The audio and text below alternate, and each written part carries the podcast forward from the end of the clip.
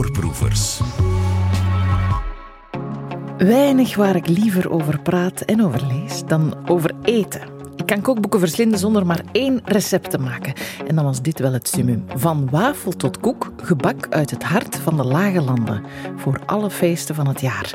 Vol tradities en legendes en herkomsten. Van oliebollen tot vlaaien, van roggebrood tot klaaskoeken en pepernoten. Als je nog geen honger hebt op dit moment, dan is dat op het einde van deze podcast vrij zeker wel anders.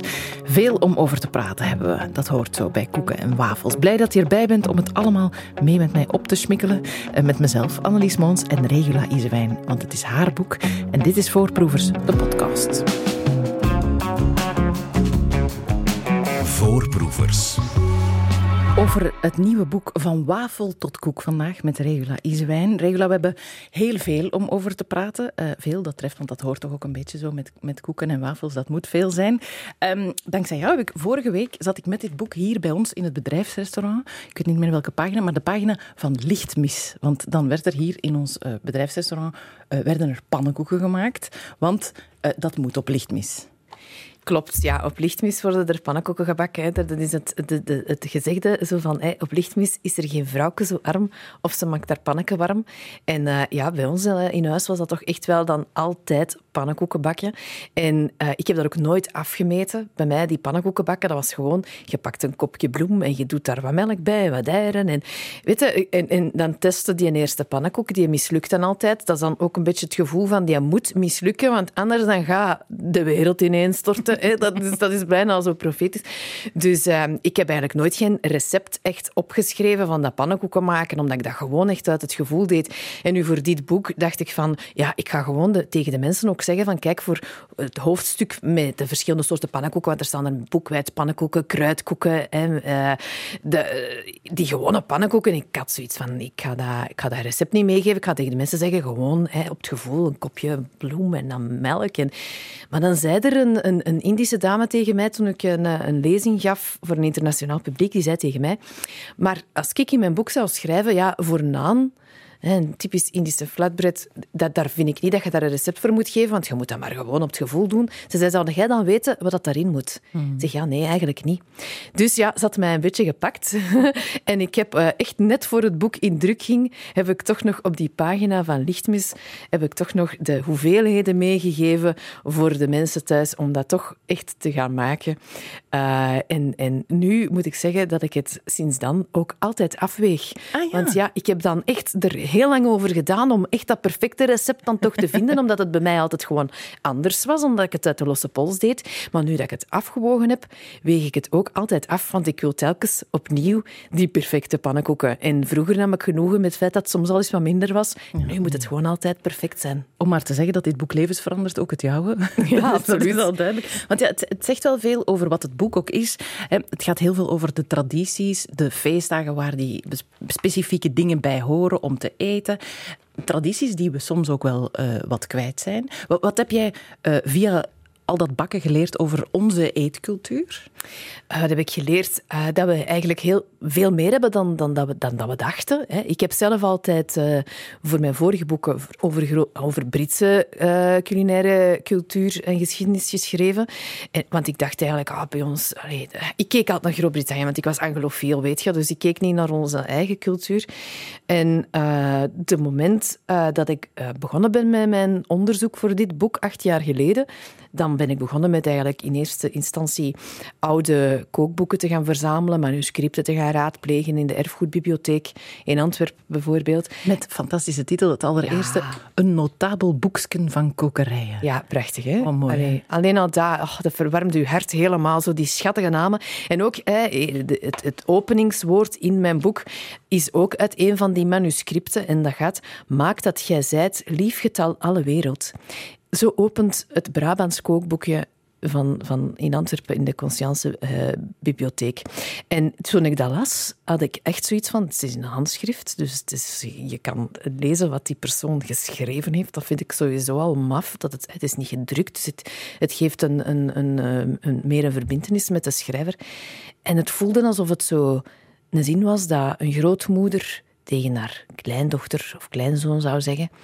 En ik heb zelf geen recepten die doorgegeven zijn van, van grootmoeder op, op dochter. En dat heb ik niet. En ik heb eigenlijk mij een beetje ingebeeld dat dat Brabants kookboekje, dat dat eigenlijk een boekje is van mijn voorvaderen. Dus dat, dat werd heel bijzonder en het, het werd echt alsof mijn over, over, over grootmoeder tegen mij sprak. Het is een boekje uit de 17e eeuw. Het is heel kostbaar. En uh, ja, dat is dan eigenlijk ook een beetje de, de inspiratie geworden voor het boek ook. Mm -hmm. En uh, dan, dan ga je zoeken natuurlijk van wat zijn de overeenkomstigheden die ik tegenkom in al die boeken. Want om te gaan determineren van wat is onze eetcultuur, moet je gaan graven in onze geschiedenis. Niet alleen in onze, in onze kookgeschiedenis, dus via kookboeken, maar ook in de geschiedenis. Wat is er allemaal gebeurd? Ja, want je begint eigenlijk met een geschiedenisles over het, wat er allemaal gebeurd is in de laatste, laten we zeggen, vijf eeuwen uh, in deze gebieden. Ja, klopt, want het boek heet ook bewust Gebak uit het hart van de lage landen voor alle feesten van het jaar. Het is niet Vlaanderen, het is niet België. Nee, want we kunnen niet over die grenzen gaan spreken als ik ga spreken over, over de 16e eeuw, die grenzen lagen toen helemaal anders dan vandaag de dag. Dus ik wou geen beperkingen met die grenzen. En nu gaat het eigenlijk over België en de grensgebieden van Nederland, Duitsland en Frankrijk. Omdat die eetcultuur en cultuur in het algemeen kent geen grenzen. Mm. Dus ik wou die grenzen daarom ook niet in mijn boek. En um, ja, dan, dan zie je natuurlijk dat je, dat je heel veel over, overeenkomt met, uh, met, met effectief uh, Noord-Frankrijk, met Nederland. Sowieso hebben we heel veel gemeen. Maar je ziet dan ook dat dan de grenzen die we vandaag kennen, die, die misschien geen grenzen zijn tussen landen, maar onze taalgrens is wel een serieuze voor in, onze, in ons land, dat, dat eigenlijk dat wij heel de tijd gescheiden worden door de politiek, hè, door de kleuterklas hè, in het parlement. En, en dat dat eigenlijk voor, voor de politiek heel interessant is dat wij verdeeld zijn hier in België. Dat, dat wij eigenlijk weinig raakpunten hebben met elkaar. Hè, mensen zeggen altijd, ah, mij, eh, België, hè, trilingual country, zeggen ze dan in Engeland. Dan zeg ik, nee, nee, we zijn niet trilingual. We hebben drie gemeenschappen, maar die spreken niet alle drie, alle drie de talen. Mm. Dus wij, wij hebben een klein beetje een Babylon-moment eigenlijk vaak, dat we elkaar niet gaan begrijpen en we worden uit elkaar gehouden door de politiek. En ik hoop eigenlijk met dit boek onze drie gemeenschappen eigenlijk te kunnen meer samenbrengen en te tonen van, hoewel dat we denken dat we zo verschillend zijn is dat eigenlijk helemaal niet zo. Nee, want we eten allemaal pistolets. We eten allemaal pistolets, we eten allemaal wafels, we eten allemaal boekwijdspannenkoeken, gewone pannenkoeken.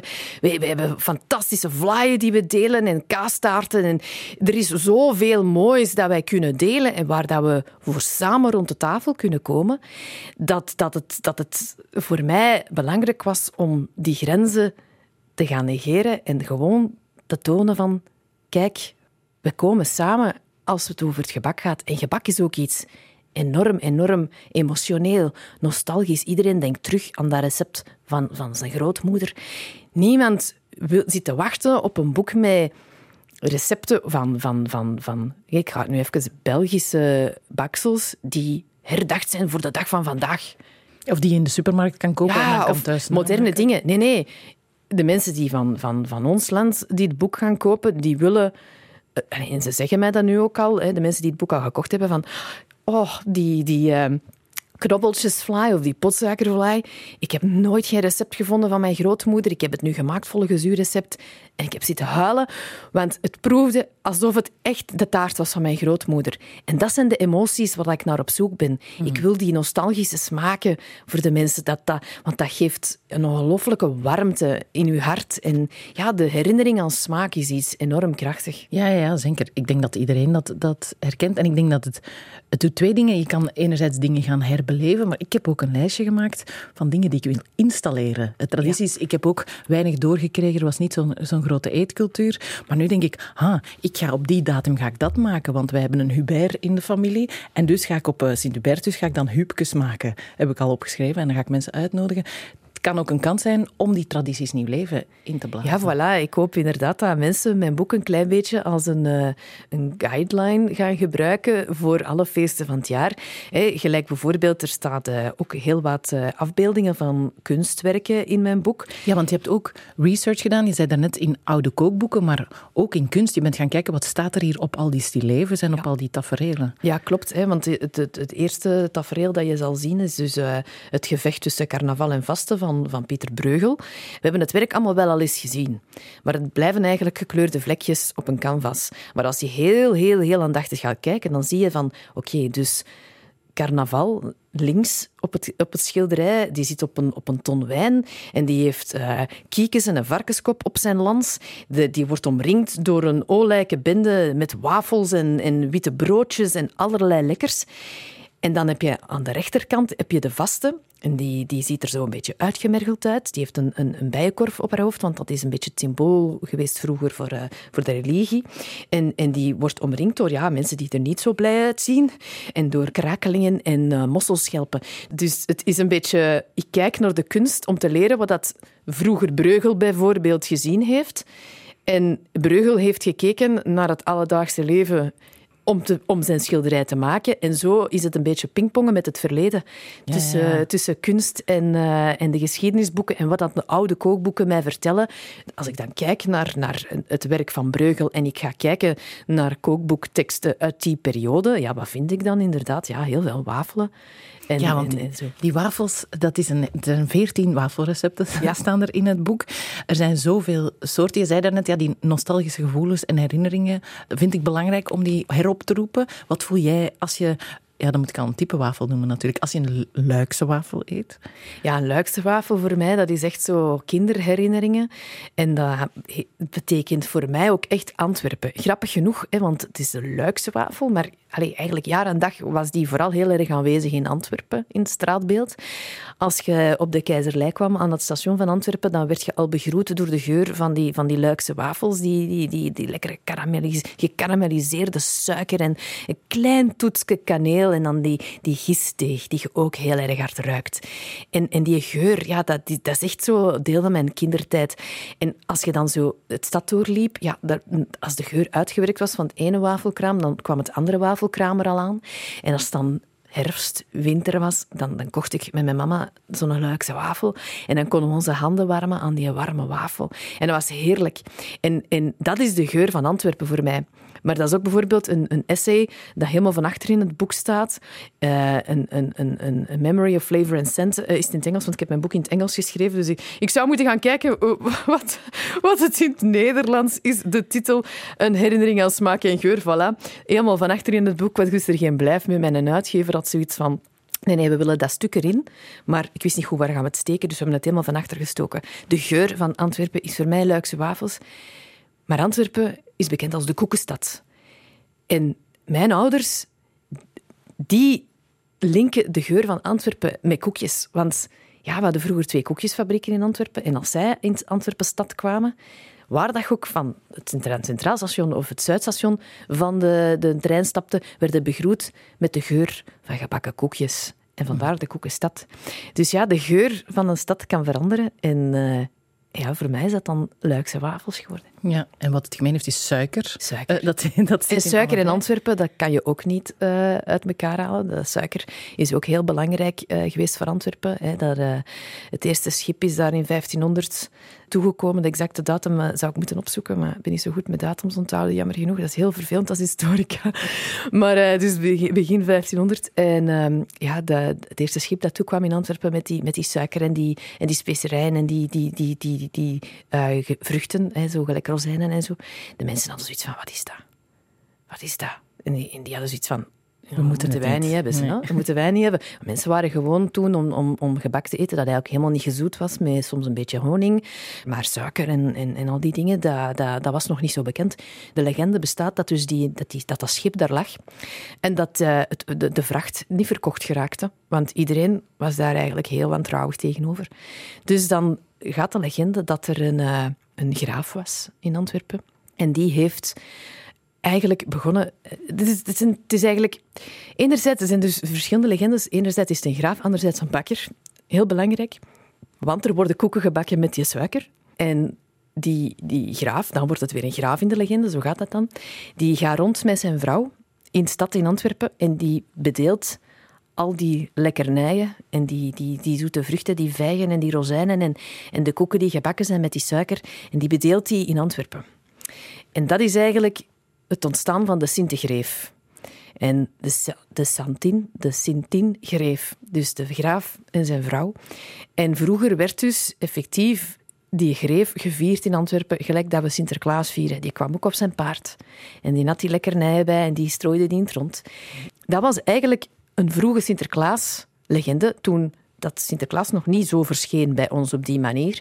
En die, die tradities en die legendes die beginnen in elkaar door te lopen. Ja. Maar dat toont nog maar weer al eens van ja, de, de, de komst van suiker was niet evident. De mensen denken vandaag, we hebben altijd suiker gehad, maar dat, dat is niet zo. Gebak vroeger zelfs als er weinig suiker in was, dan was dat voor de mensen nog steeds een lekkernij, nog steeds zoet. Het is onze perceptie van wat is zoet die ook veranderd is. Vandaag steken wij zoveel suiker in gebak. Dat is niet te vergelijken met, met, met uh, het gebak van vroeger. Uh, dan zie je ook...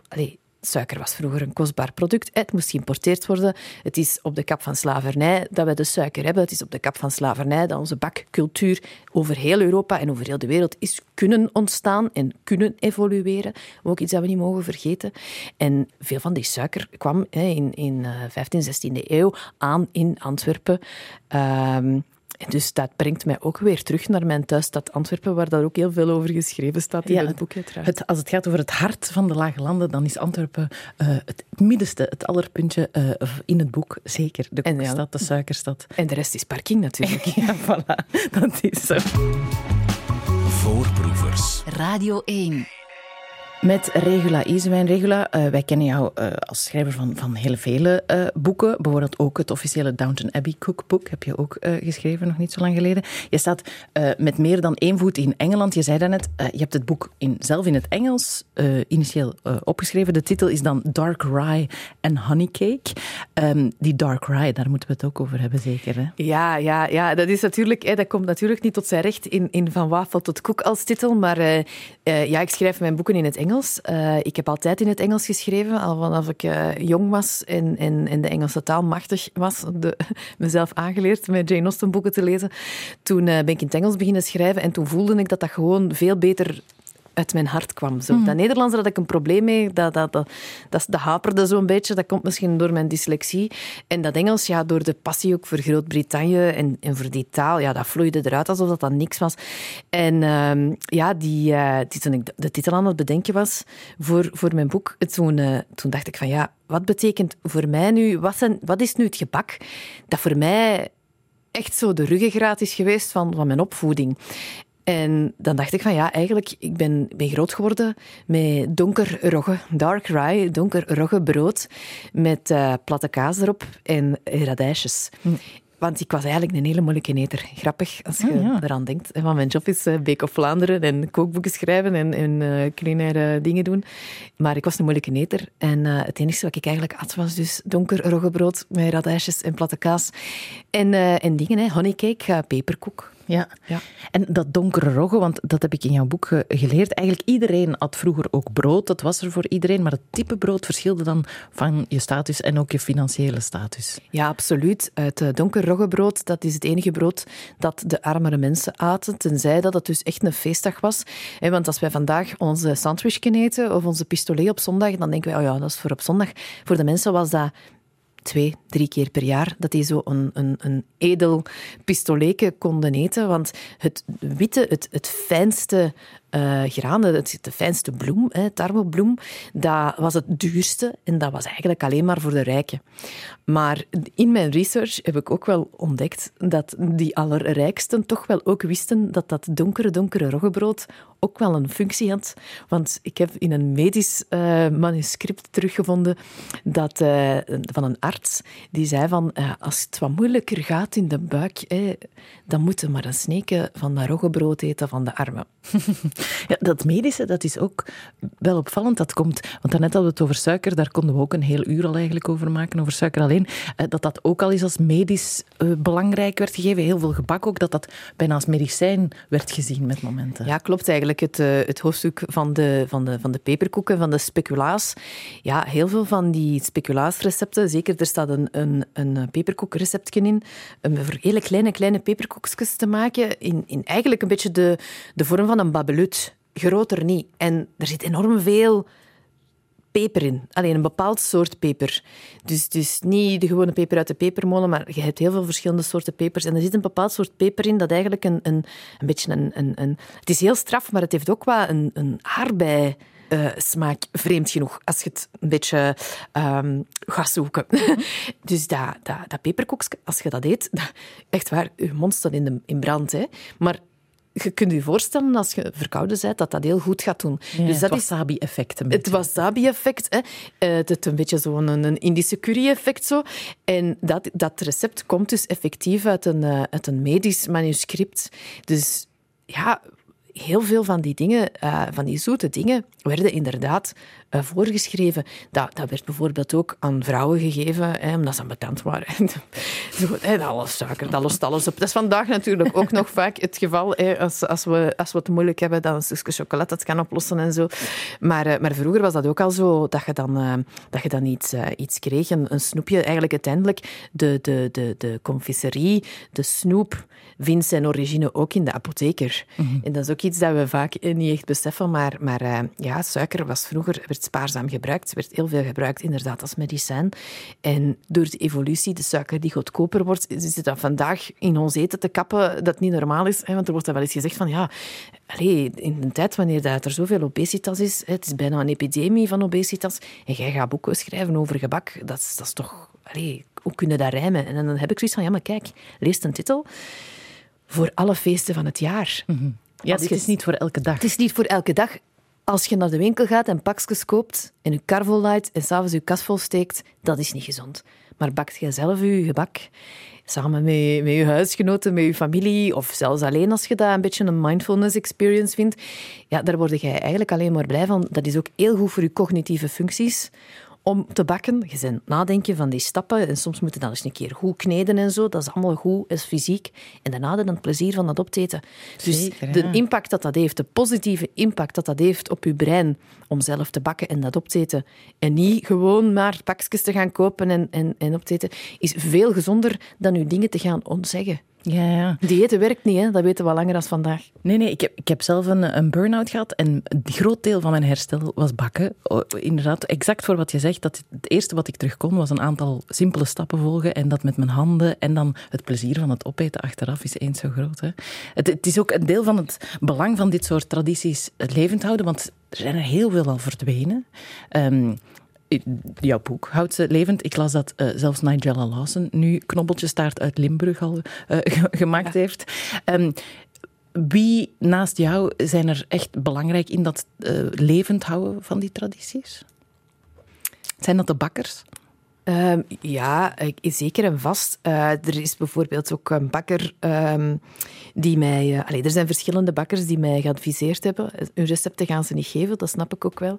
Um, maar uh, ja, uiteindelijk... Ze thuisbakken is heel belangrijk.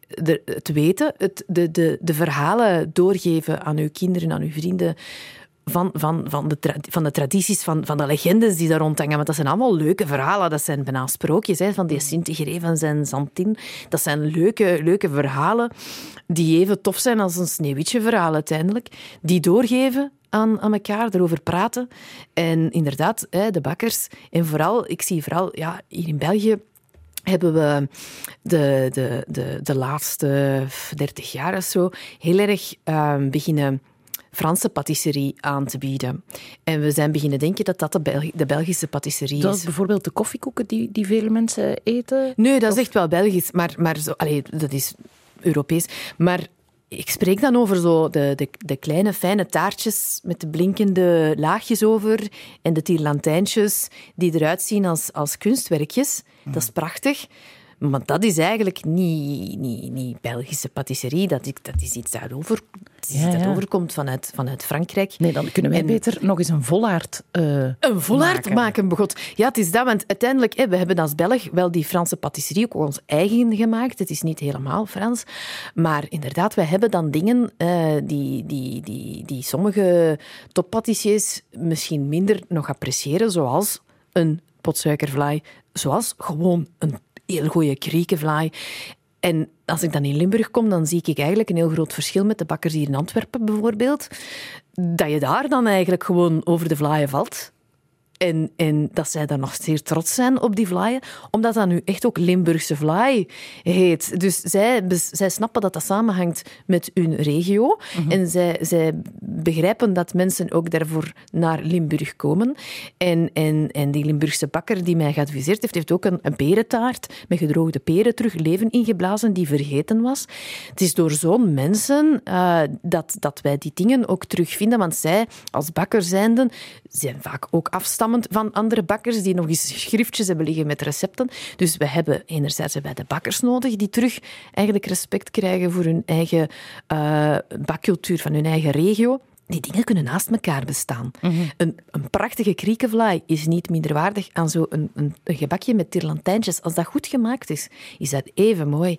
Dus ja, het, het, het is wel iets dat de, eh, het elkaar nodig heeft. Thuisbakken en naar de bakker gaan. Mm Voorproevers. En we hebben het over al die herinneringen, al die smaken die allemaal samenkomen in Van Wafel tot Koek. Uh, Regula Isewijn, jouw nieuwe boek. Uh, ik heb daar net een woord opgegooid uh, waar we het nog moeten over hebben, want je hebt mij dat woord geleerd. Het woord vollaard.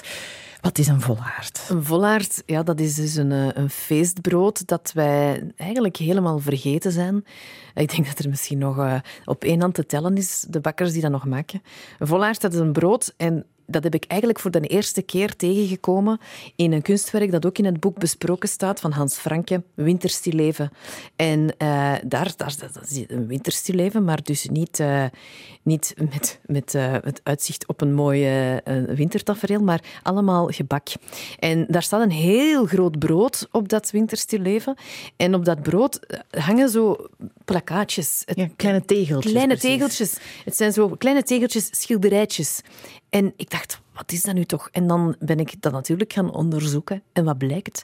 Dat die, die niet alleen uh, vergeten is, uh, dat groot feestbrood, zoet feestbrood, maar ook de volkskunst die daar aan vasthong. En dat is dus de patakon. En de patakon, dat zijn dus pijpaarde, pijpaarde tabletjes die uh, gedrukt werden met een basrelief en dan beschilderd. En die, die, die tafereeltjes die konden bijbels zijn, maar vaak was dat ook voor te lachen. Vaak, was dat, dat te doen met de seizoenen. Um, en uh, de natuur was ook een groot thema. En het, het, het, het, grappige is dat dat net hetzelfde gebruik is als vroeger de flippo's en de croquis in de chips. Dus de kinderen kregen vroeger zo een vollaard voor hun, voor hun nieuwjaar. Hè. En, en die, die schildjes die werden bewaard en die werden verzameld. Mm -hmm. En er zijn er prachtige, maar die zijn allemaal eigenlijk verloren gegaan. Je vindt ze soms nog in volkskundige museums. En uh, er zijn er nog twee in België die, de, die ze maken. Nu drie, want mijn man maakt er nu ook. Hè. Voor mijn boek hebben we ook een patacon gemaakt. Uh, die mensen al uh, leuk aan de, sommige mensen die er, die er één hebben, hebben ge, gekregen van ons, zijn die allemaal aan het beschilderen en aan het bakken op hun broden. En dan denk ik van, wauw, hoe, hoe maf is dit eigenlijk? Dit is een volledig vergeten brood, een, een vergeten volkskunst. En, en je geeft mensen die patacon en toch toch triggert dat om te zeggen van oké, ja, we gaan die schilderen en we gaan die op dat brood bakken. Ja, en, en, dan heb je iets bijzonders. En die, ja, die volaard, die, die staat dan enerzijds als, als, uh, als, als uh, prachtig iets op dat winterstileven. Maar als je heel goed gaat kijken naar andere schilderijen uit die periode, hè, dat is uh, 16e, 17e eeuw, dan, dan kan je soms in het heel klein een kindje waarnemen op zo'n mooi tafereel een wintertafereel.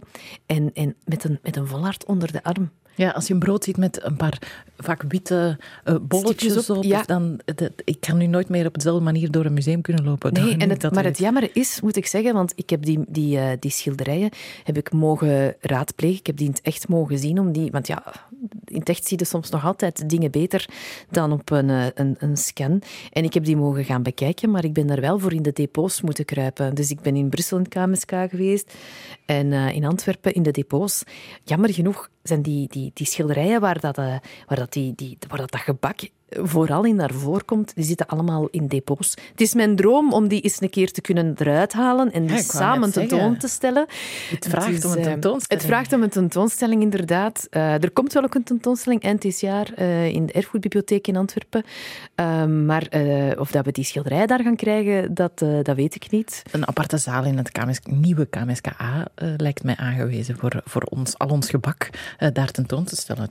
Ik denk dat daar heel veel mensen over heel de wereld ja, van zouden komen kijken. En dan allemaal terug uh, patacons in volle aarde bakken. Nu, dat is een zin die ik nog nooit heb uitgesproken. Ik ben blij dat ik, dat ik hem nu ken. Ja, want het doet ook wat denken aan... Het gaat ook over wafelijzers. Ook daar dat er voor bruiloften specifiek wafelijzers gemaakt werden met dan de datum op. En er zijn heel veel dingen waarvan ik dacht, oh verdorie, dat dat niet meer, ja. meer gedaan wordt. Ja, ja, het is dat. Dat is... Het is ja, van, we hebben hele vroege ijzers gevonden.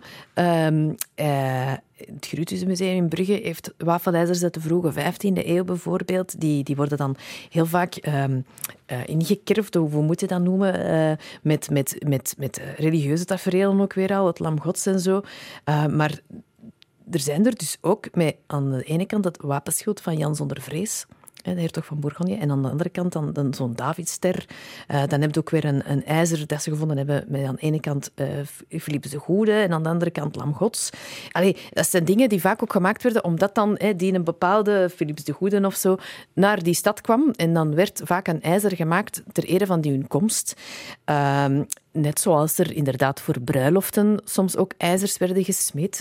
En uh, dan werden die wafels gemaakt en dan werd er eigenlijk een beetje als souvenir door de mensen op de, op de, in, in de menigte en op de trouwfeesten uh, mee naar huis genomen. Hè? Ja, want dat valt ook op in jouw boek, eh, dat het um, gebak veel meer functies uh, kan hebben dan nu ik doe het vooral om op te eten of om samen te komen, maar als geschenk bijvoorbeeld ook veel meer gebruikt werd. Nu neem je misschien wel al eens een taart mee naar ergens, maar het is toch eerder gewoon van, dan kunnen we het samen opeten. Ja, inderdaad. Hè, om als geschenk te geven, uh, dat komt veel naar voren. Hè. Uh, of als huwelijksmakelaar. Huwelijksmakelaar, hè, de peperkoek. Ja, en dan nog zo'n ongelooflijk iets dat waarvoor gebak gebruikt werd, volgens een legende weer al, is in Dinant werden de Dinantse koeken gebruikt als projectielen. Ja, want uh, mijn man eet heel graag uh, koek de dinan. Echt? Ja, wat ik raar vind. Want ja, dat, dat, is, je, dat is niet, alleen, ja, Je kan er niet in bijten, maar je mag er eigenlijk ook helemaal nee, niet in je mag er absoluut niet in bijten. En een Dinantse koek is, is, is steenhard.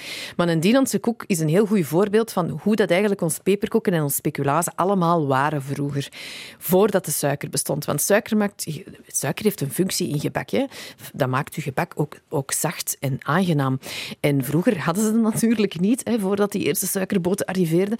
En uh, toen, toen werd er honing vooral gebruikt. En de Dinantse koek is eigenlijk echt gewoon bloem en honing. En dan krijg je zo'n steenharde koek. Hè. Dus gaan we dat soppen in de, in de thee of in de koffie. En dat staat er ook aan overal bij in Dinant. Bijt niet in onze koeken. Hè. Je moet ze doppen in, in, uh, in thee of koffie of zo. Ja, want zo hard dat ze naar de vijand werden gegooid als, ja, voilà. een soort kogel. Dat is een, een prachtige legende. Hè. Dat, dus, was het beleg van, uh, van Dinant.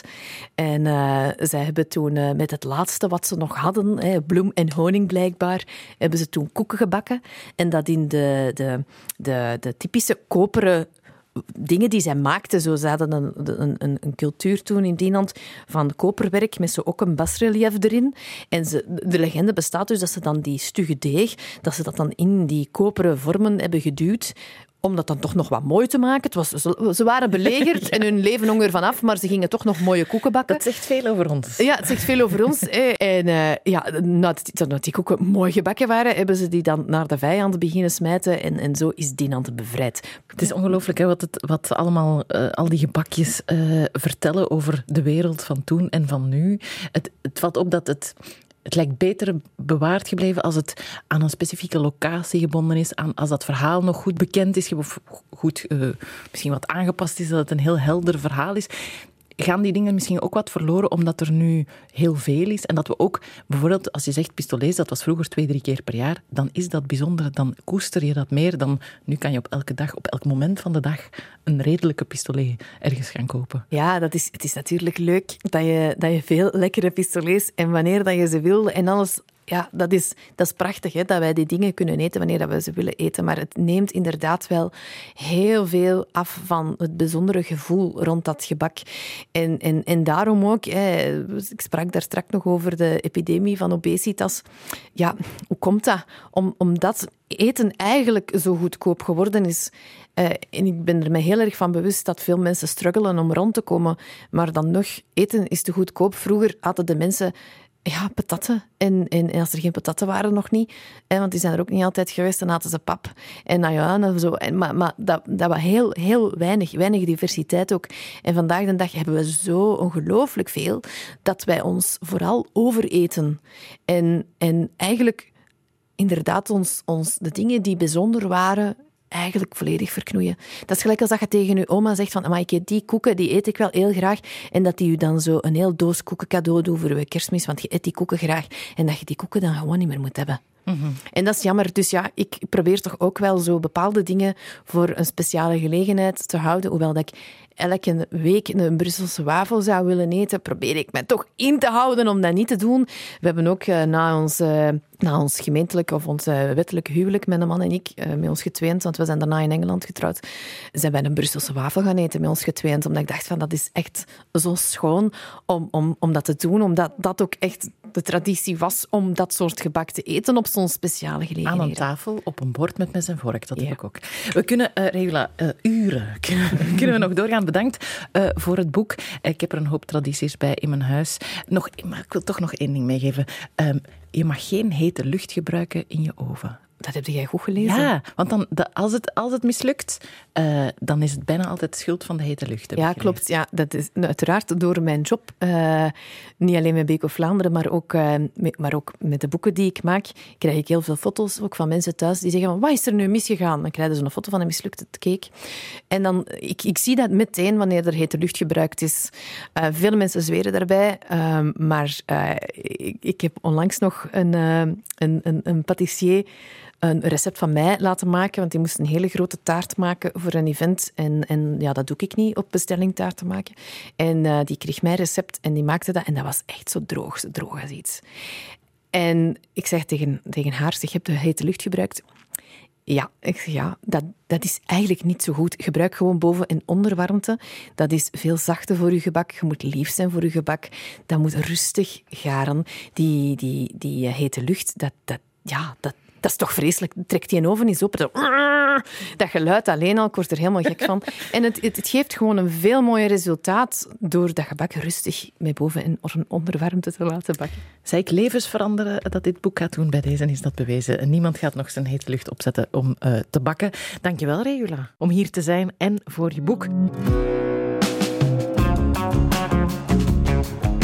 Voorproevers. Bedankt dat we een stukje van je dag mochten zijn, Regula Isewijn en ikzelf, Annelies Moons. Meer voorproevers op Radio 1 en uiteraard ook op VRT Max.